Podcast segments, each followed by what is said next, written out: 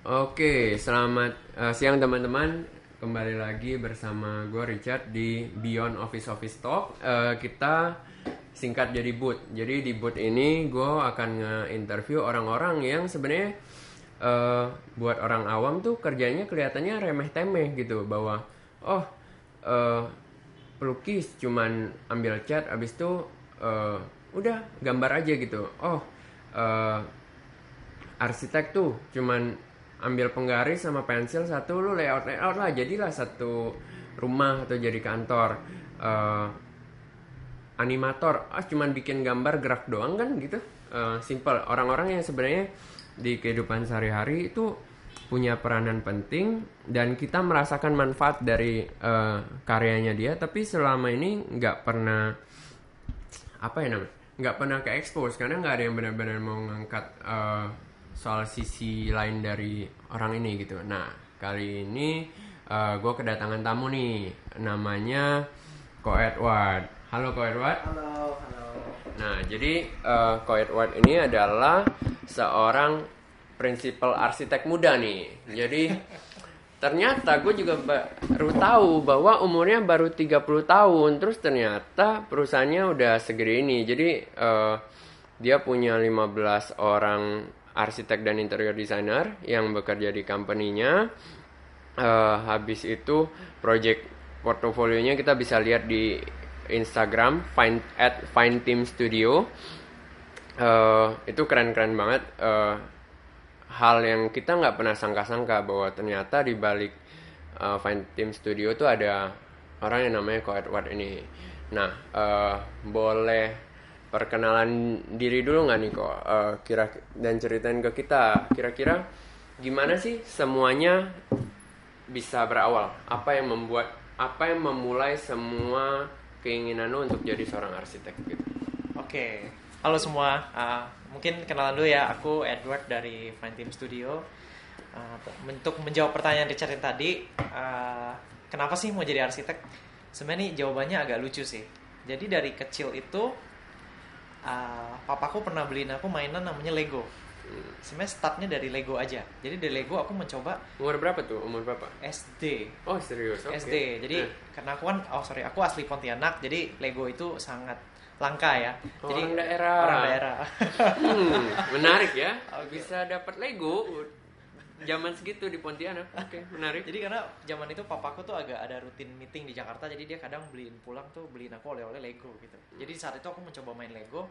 Lego kan ada guidance-nya tuh bahwa misalnya uh, kamu beli Lego rumah ya bikinnya rumah, Lego truk ya bikin truk. Cuman di saat itu uh, eh, gue merasa bosen gitu loh dengan hanya berdasarkan apa yang ada di buku. Akhirnya gue coba bongkar, terus gue coba susun-susun untuk membuat sesuatu.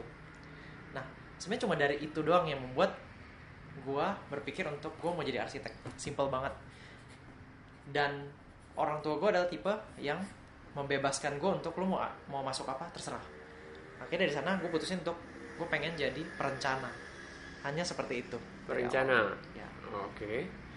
terus lo mengambil kuliah apa nih kalau boleh tahu? Arsitektur. Oh arsitektur. Jadi sejak awal orang tua lo mengizinkan lo untuk ngambil arsitektur. I mean itu jurusan yang keren sih tapi I mean apakah orang daerah dari Pontianak boleh mengizinkan seorang anaknya? Biasanya kan ekonomi bisnis akuntansi lah gitu aja gitu. Kok orang tua lo mengizinkan sih? Uh, orang tua gue tipe yang tadi gue bilang bahwa dia tuh bebas banget mereka bebas. Uh, hmm. kalian mau apa uh, banyak gue ikutin. Jadi kalian pilih aja. Kalau menurut kalian kalian mau untuk jalanin itu simple banget. Jadi cuma kayak gitu. Akhirnya gue pilih arsitek dan gue kuliah arsitek di Jakarta. Gitu. oke. Okay. kuliah arsitek di Jakarta. Nah terus ceritain dong setahu gue nih dulu ini tadi kan sebelum ini kita sempat ngobrol-ngobrol nih. Ah, gimana, waktu gimana? pertama kali lu masuk kelas dosen lu bilang kalian dari semua orang di sini paling cuma 5% yang jadi arsitek di akhir. Perasaan lu gimana sih? Udah bermimpi menjadi perencana dari mimpi sesederhana main Lego terus tiba-tiba lu dibilang kalian semua nggak bakal jadi arsitek. Kalian semua akan kerja di bank kalian semua akan kerja di ini. Paling cuma lima persen yang jadi arsitek. Perasaan lu gimana sih waktu itu? Oke. Okay.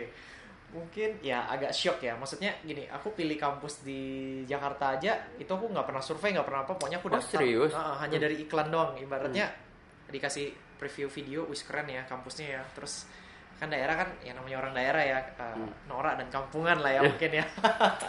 Jadi melihat itu wah kayak asik banget oke jadi di saat itu ketika aku mendengar uh, info bahwa kalian berapa orang? 250 orang. Paling 5% yang will be an architect gitu kan. Ya agak shock sih sedikit cuman mungkin di zaman itu uh, mindset kita masih beginners mind lah ya. Jadi kita belum tahu apa apa jadi uh, gue udah cemplung ke sana ya udah gue jalanin. Simple banget tanpa pertimbangan apa apa even gue sendiri nggak tahu habis ini kerjaan gue bakal jadi apa uh, job desk gue bakal apa. Itu semua gue nggak ada bayangan gue cuma bayangan gue pengen jadi perencana titik itu doang sederhana banget Oke, sesimpel itu. sesimpel itu Dan setelah ditakut-takutin sama dosen lu ini lu nggak jadi minder atau nggak jadi mulai mikir-mikir "Ah, bener nggak sih gue ngambil jurusan ini? Uh, pada saat itu enggak karena gue belum melihat ada namanya itu kan masih ibaratnya masih omongan lah ya kita Iya. belum terjun langsung di uh, dalam bidang arsiteknya Hmm. nah mungkin aku tambahin cerita sedikit setelah itu setelah itu kan aku masuk arsitek itu uh, jujur nggak pakai tes karena pakai Oh. nilai doang. Jadi padahal aku nggak bisa gambar. Oh nggak bisa gambar aku nggak bisa gambar at all. Tapi kalau pas SD aku selalu nulis bahwa hobi aku gambar. Oke. Tapi nggak bisa gambar. kalau zaman SD ingat kan dulu ada Iya. zaman apa diary gitu kan kita isi Hmm. hobi dong. Iya. hobi menggambar tapi nggak bisa gambar.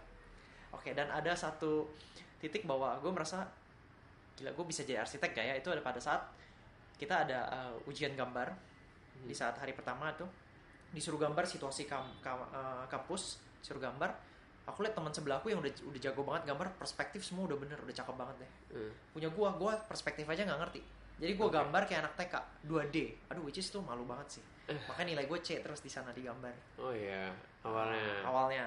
Dan mungkin titik baliknya kenapa gue jadi mulai passionate adalah awalnya gue sih pengen nyerah sih jujur. Karena gue Hmm. nggak bisa gambar. Hmm. gue tuh nggak passion banget suruh gambar terus hapus gambar lagi titik baliknya gue berubah menjadi semangat banget di arsitek adalah di semester 5 which is kita udah mulai ke komputerisasi. Hmm. semua by komputer gambar by komputer 3D by komputer. Nah di saat itu gue baru mulai.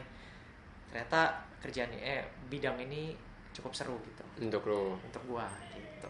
Oke, nah sebenarnya gue tertarik nih tadi ada salah satu pernyataan bahwa lo merasa bahwa lo dari kampung, eh taste-nya eh, Nora eh, kampungan, habis itu nggak bisa gambar, tapi itu tidak tercermin sama sekali. Gue malah sejujurnya gue merasa taste-nya fine design tuh keren banget, very modern Thank and you, thank you. contemporary. Thank you. Eh, kok bisa gitu dari seseorang yang nggak punya insight soal taste design yang modern and contemporary tuh kayak gini eh, jadi bisa kayak gini gitu ah, apa sih yang lo lakukan sampai bisa kayak gitu Eh, mungkin simpelnya mau belajar ya itu satu mau Hmm. belajar. Terus aku thank you banget sama keadaan sekarang. Kita dibantu banget samanya digitalisasi.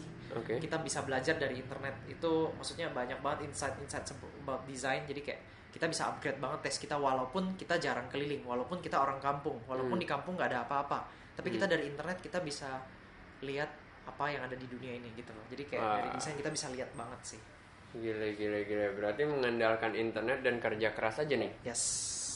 Betul terus singkat kata 10 tahun kemudian atau 15 tahun I don't know eh, 10 tahun lah mungkin eh, lo sudah menjadi arsitek yang cukup disegani lah di Jakarta dengan eh, Fine Team eh, Studio boleh tahu nggak sih tantangan apa sih yang biasanya dihadapi sama Fine Team Studio ketika eh, ngerjain project kerjaan project. Oke. Hmm. mungkin aku bagi kedua faktor dulu. Hmm. first uh, yang pertama internal dan eksternal ya. Ya. oke mungkin aku ke eksternal dulu. Eksternal dulu adalah uh, gimana sih kita mengeducate klien bahwa desain itu not free.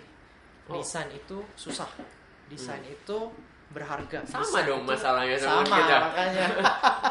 Nyambung dong ya? Iya nyambung nyambung. Ah. gimana waktu lo ngomong sama klien nih kita jelasin bahwa uh, mungkin nggak jelasin dulu sih. Mungkin kita bisa take effort dalam arti kita nanya. Jadi problem kamu di rumah kamu yang sekarang tuh apa? Hmm. problem kamu atau kebiasaan apa sih yang ada di kamu tapi nggak di nggak bisa diselesaikan di tempat kamu sekarang? Hmm. nah, ini aku sorry agak lompat. Aku contohin ini kasus rumah ya. Hmm. misalnya kayak di rumah rumah lamanya uh, kamarnya kurang oke karena ada hobi tertentu yang tidak bisa diaplikasikan atau apa. Hmm. nah semua masalah itu kita gali dulu di awal. Mungkin kita text around one until two hours lah untuk do a apa namanya? Research. research dari itu. Dan itu kita interview langsung sama uh, ownernya. Dari sana kita tampung semua masalahnya. Nah di sana kita tuangkan dalam bentuk gambar. Nah un- mungkin kedengarannya simple. Dari kata-kata ke gambar. Sederhana. Cuman dari setiap ruangan itu ada pertimbangan tertentu misalnya ruangan ini dibesarin maka ruangan yang lain akan berdampak. Jadi akan pasti ada namanya uh, penyelesaian masalah dalam bentuk ruang yang uh, ibaratnya aku bilang nggak semuanya tuh bisa jadi proper. Pasti ada ada hal yang harus dikala di di pinggirin ya dalam arti Hmm. mungkin karena harus belain fungsi yang A kita ngucilin fungsi yang B. Jadi di sana kita harus tahu juga uh, what's your client priority-nya apa. Hmm. Nah, di sana. Itu satu dari eksternal salah satunya. Kedua gimana dia mau percaya sama kamu Hmm. karena ini project adalah long term kita Hmm. urus misalnya kita urus satu rumah mungkin takes time around one years ya Nah, Serius? bisa one years dong Satu tahun. Iya dong, Oke. karena kita dalam perencanaan aja mungkin teks paling cepet tuh until 4 months kan. Setelah itu kan dalam tahap konstruksi kita harus tetap in charge dalam arti kita kontrol dong ini kontraktor Hmm. kerjanya sesuai perencanaan atau enggak atau di lapangan ternyata ada problem ini yang tidak terpikirkan oleh kita pada saat perencanaan. Nah itu kita harus find a solution di lapangan. Nah, Sorry nih bro, ini gue tertarik ya, banget nih. gimana gimana? Gue cukup amazed dengarnya bahwa mau bangun satu rumah, lu perencanaannya aja empat bulan, beneran. Kalau kata orang awam, gambar quote unquote doang itu empat bulan. Kok lama banget nih bro? Boleh dijelasin nggak? lama banget ya mungkin yang pertama aku mau sampaikan bahwa desain is a process ya. Oh, jadi nggak nah, desain is process. Jadi nggak ada yang namanya instan dalam desain. Hmm. nggak ada juga namanya kita submit desain satu kali itu terus langsung udah perfect. Itu hampir nggak mungkin. Hmm. itu nggak mungkin. Jadi kenapa sampai selama itu? Pertama kan kita yang tadi aku bilang di awal kita interview dulu what's the problem? Terus kondisi lapangan atau site-nya seperti apa? Nah hal itu kita implementasikan ke dalam site-nya Hmm. problem dari owner. Pas kita implementasikan kita ACC ke owner dong. Ternyata ada penempatan ruang yang belum sesuai ada ada flow orangnya tidak sesuai kebiasaan kita Uh, tangganya aku nggak mau di sini aku mau pindah which is kalau misalnya kita simple kita pindahin tangga satu hal itu itu kan berdampak untuk semua rumah Oh, oke. Oke, dan Hmm. pada saat pemindahan itu kan kita butuh text time untuk revisi. Nah, revisi Oke. gambar kita harus pikirin lagi the whole plan. Oh, Jadi nggak bisa kita geser satu barang, tinggal geser nggak bisa, nggak simpel itu. Oh, oke. Ketika geser satu barang berdampak ke uh, kan kalau di arsitek ada zoning vertikal, ada zoning horizontal. Oh, Oke. oke. Kalau kita ngomong tangga, tangga kan adalah zoning yang bersifat vertikal. Hmm. Ketika digeser, setiap lantai, setiap zoning lantai yang horizontal itu kena. Jadi semua berdampak. Itu aja udah text time. Oke, baru urusan urusin layoutnya. Belum urusin ke konsepnya. Oh, oke. Belum urusin ke fasad desain. Oke, Oke. Terus, terus, terus, menarik. Hmm, Kita tampung dulu. Itu Oke. masalah eksternalnya. Oke. Hmm. Kalau mungkin aku pindah ke internal, eh, intinya adalah controlling sih. Kalau Hmm. buat aku di controlling dalam arti eh, apa yang udah kita coba bahas sama owner, Hmm. possible nggak sih diterapin sama tim kita? Bisa solve nggak sih by our team gitu? Hmm. Karena eh, yang menjadi problemnya adalah bagaimana kita memindahkan informasi yang sudah kita dapat dari klien, Hmm. problemnya itu. Dan kita menjelaskan misalnya dua jam kita jelasin jadi satu hal singkat tapi ke tim kita. Tim. Ke- mengkonversi dua jam menjadi five minutes misalnya untuk menjadi satu project brief. Karena nggak kan pasti ada namanya situasi bahwa nggak semua situasi bahwa si tim kita tuh bisa ikut meeting gitu. Kadang dia harus kan harus urusin uh, desain lain gitu-gitu. Jadi kayak nah itu itu juga menjadi tantangan bagaimana mengkonversi semua itu menjadi uh, satu project brief yang simple tapi mereka nangkep Tapi gimana nih bro? Lo, gue sih pernah nonton satu video di YouTube. Eh, itu ada 30 orang lagi berjejer. Orang pertama ngomong A, di belakang orang ke-30 itu bisa jadi A plus plus plus plus. Nah, gimana sih eh, ketika lo berhubungan sama sorry nih, ketika desain kan semuanya orang, semuanya human yang punya interpretasi berbeda, mereka punya uh, feeling yang berbeda, mereka punya taste yang berbeda. Gimana sih lu memastikan brief yang lu kasih ketika pertama itu sama dulu deh dengan yang ada di tim lu? untuk mencapai controlling yang bisa lo capai itu Oke, ah, wah cukup berat pertanyaannya. Mungkin pertama yang pasti jam terbang ya. Hmm. Jam terbang dari tim itu sangat mempengaruhi. Karena ketika dia makin tinggi jam terbang sama aku sendiri berarti otomatis dia udah tahu nih, oh kok Edward pasti maunya ke sini. hmm. Kok Edward pasti maunya ke sana. Udah jelas gitu. Tapi yang jam terbang belum tinggi, akhirnya kita harus ah, biarkan dia salah. Kalau aku konsepnya aku biarin dia salah supaya dia mengerti. Jadi Iya, gue iya. nggak mau tim gue itu uh, semua didikte. Hmm. Ini taruh sini, ini taruh sini, ini geser sini. Gue nggak mau. Gue maunya gue brief kasar, biarkan mereka kerjain. Nanti gue cek. Memang secara efisiensi nggak kurang efisien, tapi gue mau mereka belajar bahwa satu hal itu harus dimengerti, bukan dikerjain doang. Nah, jadi gue mau nambah Oke. value-nya adalah tim gue bukan cuma bisa kerja, tapi mereka ngerti. Gitu. oke Semoga cukup menjawab ya. cukup cukup cukup banget nah gue jadi tertarik satu semakin gue dengar semakin gue menangkap bahwa sebenarnya aset terbesar dari Fine Team Studio ini orang tapi masalah terbesar dari Fine Team Studionya ini juga orang Betul. Betul. nah eh, boleh dikasih tahu nggak sih eh, how do you treat your team supaya ngomong-ngomong soal creativity itu hal yang abstrak ya Eh, kreativitas tuh nggak bisa dikontrol bahwa lu masukin formula A plus B keluar C itu tuh ada proses yang tadi dibilang di dalamnya dan perlu talent dari orangnya gimana lu memastikan dengan proses yang benar dan talent yang tepat bisa keluar hasilnya A sedangkan dengar dari cerita tadi bahwa orang itu ya itu itu aset utamanya tapi itu sumber masalah terbesar juga gitu Hmm. Oke, eh, jadi mungkin kalau aku mundur sedikit, Hmm. Apa yang aku pilih dari tim aku? Hmm. Mungkin itu layernya yang dulu Iya. kita pilih. Itu pertama aku memang cari yang concern to detail. Hmm. Dua, eh, can work as a team. Hmm. Tiga, punya time management yang baik. Oke. Keempat, good attitude. Jadi untuk tim di Fine Team Studio, kita tidak menilai dari soft skill. Hmm. Soft skill buat gua itu semua bisa dilatih. Oke. Itu semua jam terbang. Hmm. Tapi kalau empat hal ini mereka bisa, at least mereka udah bisa menyesuaikan gue nantinya ke depannya.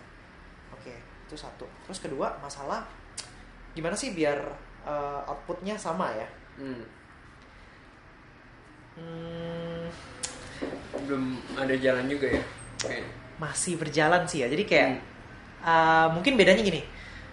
Uh, apa yang gue misalnya gini, gue pengen A tambah B sama dengan C. Hmm. Jawabannya adalah belum tentu klien mau C. Hmm. Klien bisa D. Jadi gue Hmm. kadang let my team explore. Oke. Gue cuma kasih tahu insight-insight yang kurang lebih menurut gue ini loh poin-poinnya. Tapi kalian explore, explore aja. Misalnya submit pertama sesuai yang gue mau C, Hmm. ternyata kalian mau D. Itu kan desain proses kan. Jadi Hmm. it's okay. Jadi maksud gue, gue balikin ke mereka bahwa gue bikin keadaan di kantor bahwa ayo kalian explore aja. Tapi Hmm. yang make sense. Karena akan ada satu layer namanya layer check. Kita akan cek bahwa apa yang lo desain itu materialnya apa, detailnya apa, possible nggak kita bikin gitu loh. Jangan sampai udah didesain tapi nggak bisa diaplikasikan. Oh, Oke. Jadi benar-benar let it flow juga sih. Jadi kayak flow, tapi kita tetap kontrol juga.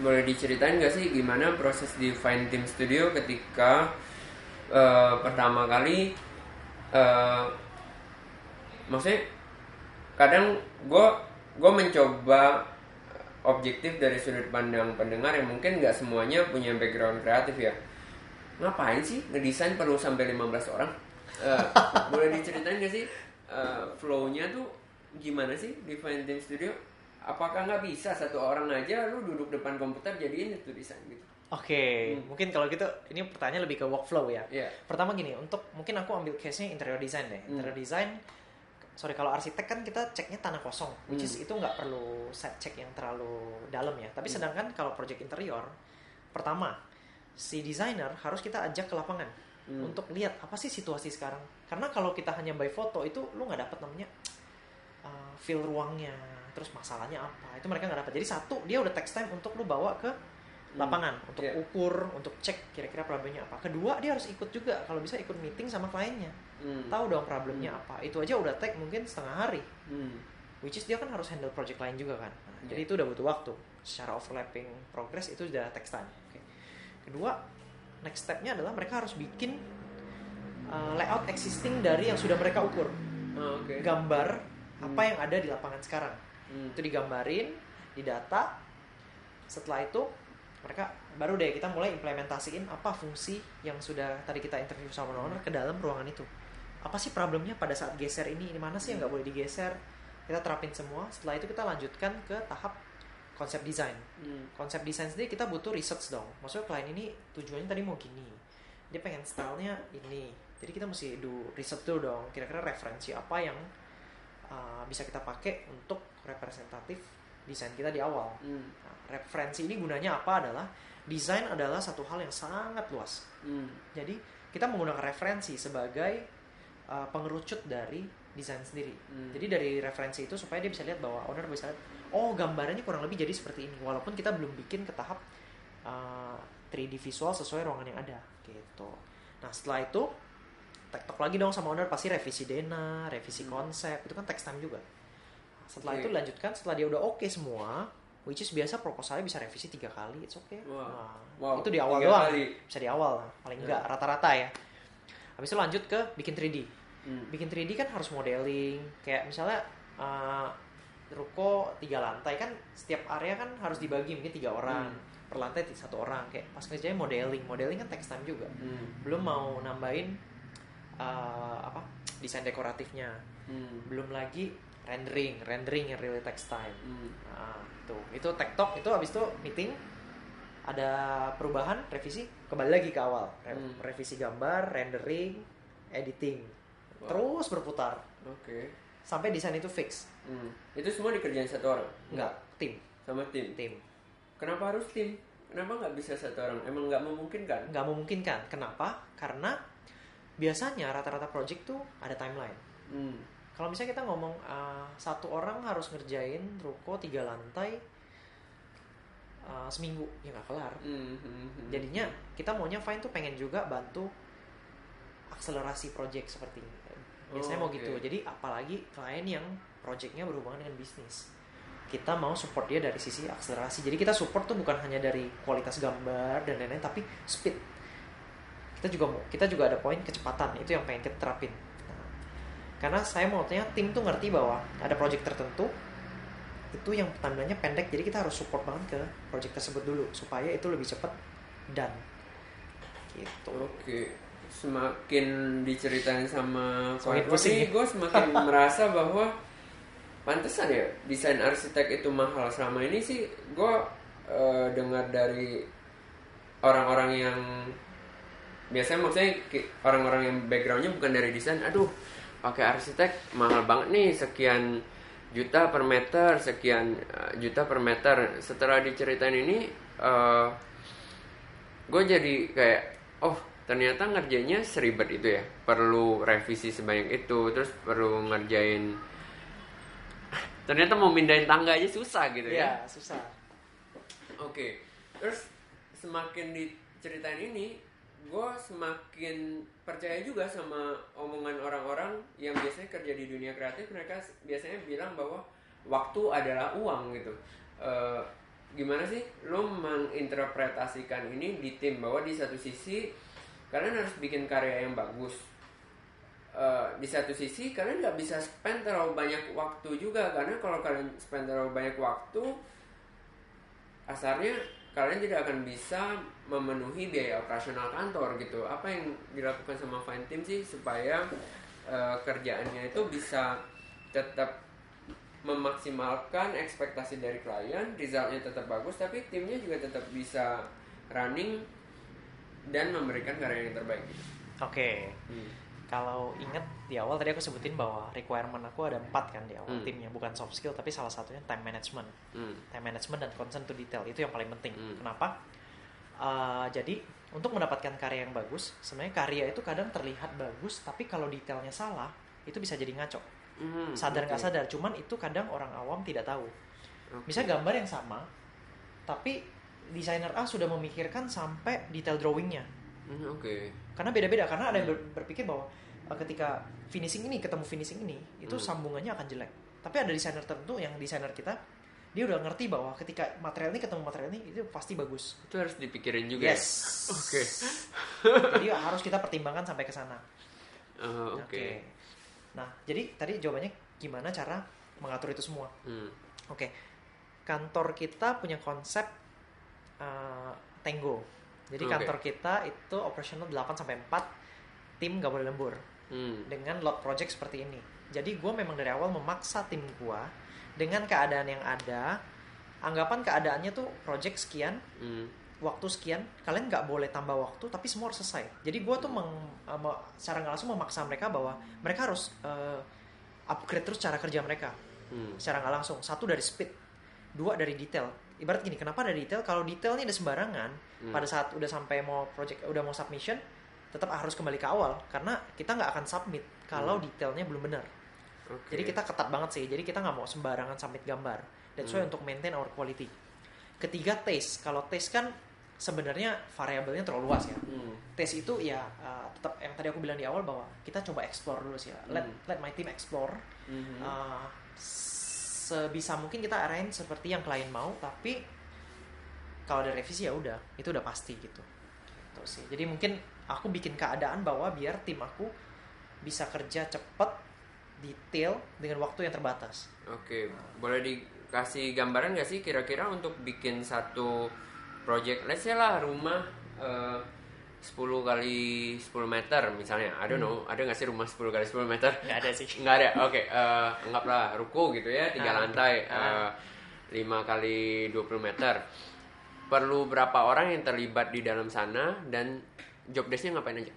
Oke, kalau tiga lantai aku biasa paling gampang baginya tiga orang Hmm, per lantai satu orang oke. supaya jadi overlappingnya cepat. Misalnya sebenarnya bikin 3D kalau tiga ruko mereka fokus kerjain itu sebenarnya satu minggu juga bisa bisa submit. Hmm, Tiga tiga orang satu minggu jadi whole project jadi oke. untuk 3D doang.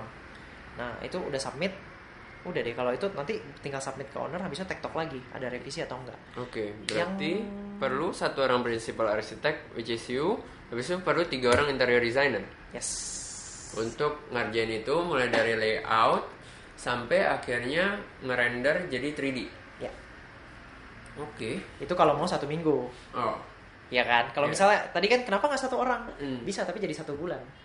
oh, jadi speed elemen penting juga dong. Iyo, iya. Speed, jadi speed elemen penting. That's why kita uh, settings uh, komputer kita lumayan high spec sedikit supaya untuk membantu proses Hmm. render yang cepat.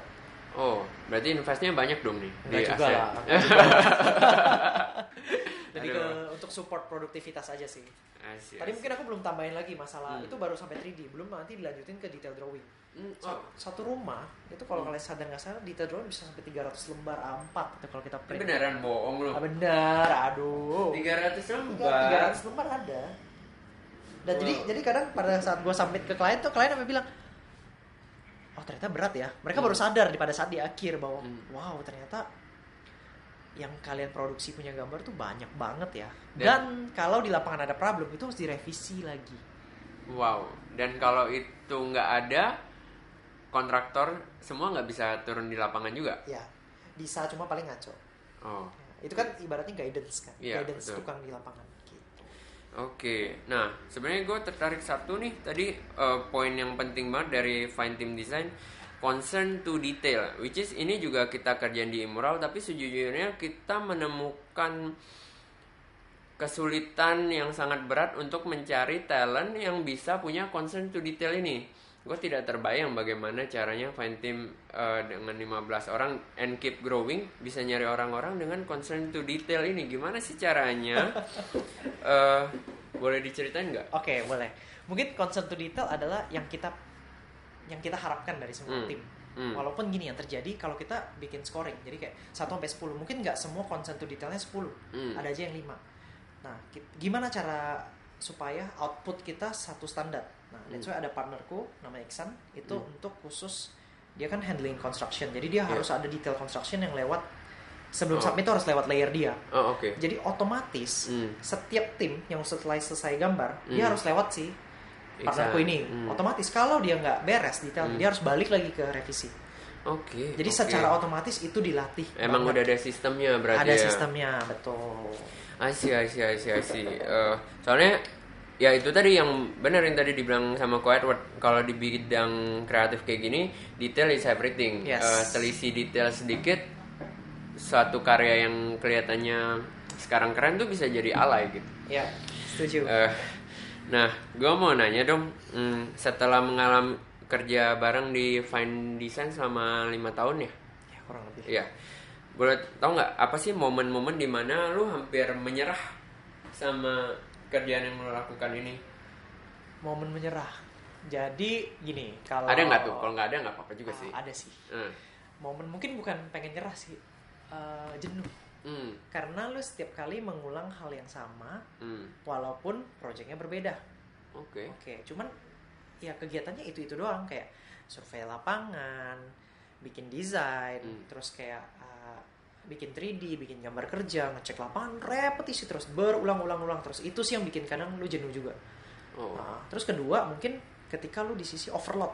Oh, oke. Overload jadi malah bikin jadi kalau mungkin di di bisnis lain mungkin mikirnya wow, banyak uh, Job. banyak job asik Hmm. kita makin banyak job lu kebayang kan tadi gue udah jabarin Iya. stepnya kalau ada 20 project kebayang nggak itu di kantor tuh waduh kacaunya Waduh. seperti apa jadi mungkin di- kadang di titik itu juga yang bikin aduh gila ini kerjaan berat banget ya gue Mhm. pengen nyerah ada sih titik kayak gitu Oke. ada Terus apa yang lo lakukan nih supaya bisa terus membesarkan Fendison sampai kayak sekarang? oke pertama gue melakukan recovery mindset Hmm. jadi ketika titik itu gue berpikir kenapa gue harus mengeluh pada saat gue banyak project Hmm. itu satu dong ya kan ibaratnya kita kenapa kenapa harus mengeluh pada saat banyak project Hmm. ya kan Nah, di sana gue mulai coba ber, mengubah mindset gue bahwa gue harus bersyukur atas uh, maksudnya rezeki yang dikasih Tuhan ya dikasih Hmm. kepercayaan banyak so bisa handle itu satu kedua gue juga mau uh, punya tanggung jawab untuk membesarkan semua tim gue dalam arti gue nggak mau mereka tetap di titik kerja di kon- konsultan tuh gitu-gitu doang gue nggak mau gue mau mereka di under 30 di bawah 30 tahun mereka bisa punya income yang besar one day gitu loh jadi kayak itu yang bikin gue juga kepush banget sih Nah, terus ketiga seperti yang tadi gue bilang di awal bahwa gue jadi punya misi besar bahwa uh, dosen gue bilang 5% doang dari 250 orang yang akan jadi arsitek Hmm. Nah gue pengen naikin itu. Jadi gue ada mimpi besar. That's why itu yang bikin gue sangat semangat dan pengen terus berkarya dan pengen terus upgrade uh, gimana sih meman memanage kantor supaya lebih efisien lagi. Jadi semua project makin banyak pun kantor kita nggak masalah gitu. Oh, oke. Eh, terus kalau momen-momen itu eh, terjadi di tim, eh, sekarang so far gimana? Ada nggak sih momen-momen itu terjadi di tim bahwa oh jenuh sama project? eh, tapi kan di sisi lain, lu lu tuh dikasih kepercayaan sama klien kan bahwa oh Edward, ini gue percaya sama lu bisa bikin rumah gue jadi bukan sekedar house tapi home Yes. for my family gitu. Eh, kalau dia mau bikin house mah dia cari tukang biasa gitu ya. Iya. Dia sekarang mau bikin home for his family. Eh, apa sih yang lu tanamkan ke tim supaya mereka bisa mewujudkan itu? Padahal ya jujur aja namanya kerjaan ketik pasti ada titik jenuh lah gitu. Oke. Uh, jadi kalau di Fine Team Studio sendiri kita ada evaluasi rutin. Hmm. Pertama evaluasi semua. Jadi jadi satu secara general. Di sana kita menanyakan apa sih problem lu? Apa sih problem kalian dalam project? Itu kita bahas semua Hmm. supaya kita bisa tahu secara teknis kalian tuh ada masalah apa. Di sana kita solve. Itu Hmm. satu. Kedua, kita ada uh, evaluasi personal. Oke. Jadi kita ajak mereka ngobrol. Uh, kalian masalahnya apa sih secara lebih personal? Hmm. Kalian jenuhnya di mana? Karena Fine Team Studio kan masih ya masih baru ya. Jadi kayak Hmm. masih banyak sistem yang perlu ada perombakan. Jadi dari masalah-masalah mereka itu kita coba tampung dan kita sedikit demi sedikit kita mengubah sistem supaya tim gue tuh nyaman di kantor. Tim gue tuh bisa kerja pakai hati. Hmm. Tim gue bisa bertanggung jawab banget sama klien. Jadi di sana juga gue prinsipnya gue bisa motivate diri gue sendiri, which is itu nggak ada siapa-siapa yang gue kayak mindset gue yang memotivate gue sendiri. Kenapa gue nggak bisa motivate tim gue gitu loh? Akhirnya gue coba cariin solusi buat mereka uh, apa sih yang bikin mereka jenuh kita coba berubah ubah sedikit alurnya mungkin supaya mereka lebih fresh dan gue kasih lihat juga apa sih rasanya ketika lu mendesain bangun bangunan lu terbangun itu yang paling mahal untuk desainer sebenarnya Oh, oke. jadi an- di bawah 30 tahun atau di bawah 25 tahun kalian fresh grad kalian bisa lihat bangunan kalian udah terwujud Jadi bentuk nyata gitu yes ya. Menarik tadi katanya kerja pakai hati. Eh, wow, ternyata ngerjain desain kalau nggak pakai hati hasilnya bisa jadi sangat ini ya. Jadi selama ini sih gue percaya sama itu juga bahwa uh, in everything we do we have to do it with passion kan. Kalau gue percaya kalau di mural tuh kita kalau ngerjain sesuatu nggak pakai passion kita nggak akan ada di sini hari ini karena terlalu banyak godaan di luar sana yang lebih menggiurkan, lebih menarik dengan talent-talent yang ada di tim Imural uh, sekarang. Dan ternyata hal yang sama juga dihadapi di Fine Team ya. Iya. Berarti bahwa lo harus memastikan tim lo bekerja dengan hati, dengan passionnya untuk menghasilkan hasil yang terbaik gitu. ya Oke, sekarang kita udah sampai di section terakhir, udah tak terasa 30 menit. Eh, 30 menit ya iya, Eh, boleh na- saking serunya nih, gue nggak nyangka planning awalnya cuma 20 menit. Eh, boleh tahu nggak mimpi dari seorang Edward untuk Fine Team Studio apa sih? Oke. Eh, pertama, gue pengen Fine Team Studio bisa sangat berdampak besar untuk arsitek muda dan interior design muda. Oke. Gue juga mem- membuat bahwa kesan bahwa eh, di dunia profesional arsitek dan interior tuh nggak semuanya pahit kok. Kita bisa bikin kok keadaan kerja ambience design yang nyaman, punya klien yang bisa kayak teman, bahwa itu semua tuh bisa. Tidak sepahit yang mungkin mereka bayangkan. Gitu loh. Itu satu. Terus ke mimpi besarnya lagi adalah yang tadi gue sebutin bahwa gue mau naikin jumlah dari orang yang kuliah arsitek dan kuliah interior Hmm. dari 5% mungkin ya bisa naik sekian persen lah Hmm. jadi paling enggak kita bisa mel- eh, melipat gandakan jumlah desainer di Indonesia Hmm. Nah, gitu. dan Fine Team Studio pengen gue bawa ke seluruh Indonesia Amin. Gila, gila, gila. Boleh tau nggak nih, eh, so far 2020 apa sih? eh eh 2019 sekarang ya, betul. 2020 apa sih eh, gebrakan yang mau dilakukan sama Fine Team Studio untuk bisa mencapai mimpi itu? gebrakannya oke Eh, mungkin ini agak teknis ya kalau Hmm. sekarang gue jalanin project gue handling klien kan sebenarnya hampir semua tuh harus ada prinsipalnya Ya, kalau nggak ada prinsipalnya satu mungkin ada ya tadi Richard juga ngomong mungkin takutnya kliennya nggak percaya Iya. terus kayak bener nggak sih ini orang bisa Iya. nggak sih gitu Nah, Hmm. tapi dengan 2019 ini gue melatih tim gue cukup keras gue latih Hmm. supaya mereka bisa handling klien jadi eh, dari setiap jumlah jumlah tim itu akan berbanding lurus dengan jumlah klien dengan Oh. cara itu project gue akan otomatis meningkat lebih cepat lagi karena mereka sudah bisa secara mandiri menghandle project-project yang sudah masuk ke Fine Team Studio. wow. Oh, oke, oke. Ini by the way, for your information, timnya Ko Edward nih 15 orang nih, ngurusin 15 orang desainer dengan idealisme yang berbeda-beda. eh, ini, ini jadi pertanyaan tambahan nih. Gak apa-apa. Eh, untuk mencapai mimpi itu, eh lo harus menghandle sekarang aja 15 orang desainer dengan idealisme yang berbeda. eh, which is ya kita tau lah nggak boleh eh nggak bisa bohong sih bahwa duni- orang yang du- kerja di dunia kreatif tuh punya passion dan idealisme sendiri yang eh, kadang tuh nggak gampang untuk kita bisa satukan. Gimana lo menyatukan eh, tim lo punya passion dan idealisme ini untuk jadi satu dan sejalan dengan Fine Team? gitu. Oke. Wah, good, very good question. Jadi eh, gini, dari 15 orang pasti setiap individu punya passion di project tertentu. Hmm. Misalnya si A dan B suka project ini, si C dan D suka project ini. Nah, gue tuh sempat melakukan ada namanya eh, kalian suka project apa sih? Kalian Hmm. share ke gue. Oh, oke. Tugas gue adalah gue mencarikan project untuk kalian. Oh, Jadi oke. gue tuh mau bikin bahwa Fine Team Studio adalah satu wadah Hmm. untuk memberikan kalian desainer muda itu kesempatan untuk pegang project yang kalau kalian jalan sendiri kalian tuh nggak bisa dapat kesempatan ini. Oh. Jadi kita membuka peluang, Chat. Jadi Hmm. kalau misalnya si A dan B suka project uh, A misalnya nih, ya udah Hmm. kita kalau bisa gue dapetin project A ya gue kasih mereka, mereka yang passionate ke sana. Oh, oke. Biarkan mereka mencoba. Hmm. Nah, salah satu caranya sih seperti itu. Jadi sekarang mereka bukan cuman sekedar punya teknikal yang jago, tapi mereka benar-benar hatinya ada di situ juga Yes. karena memang dia punya passion di project itu ya. Betul. I see, I see, I see. Oke, menarik sekali teman-teman. Terima kasih banyak Koed buat waktunya. Sama-sama. Sukses terus buat Fine Team Studio ya. Amin, sukses juga Emerald. Thank Yo. you.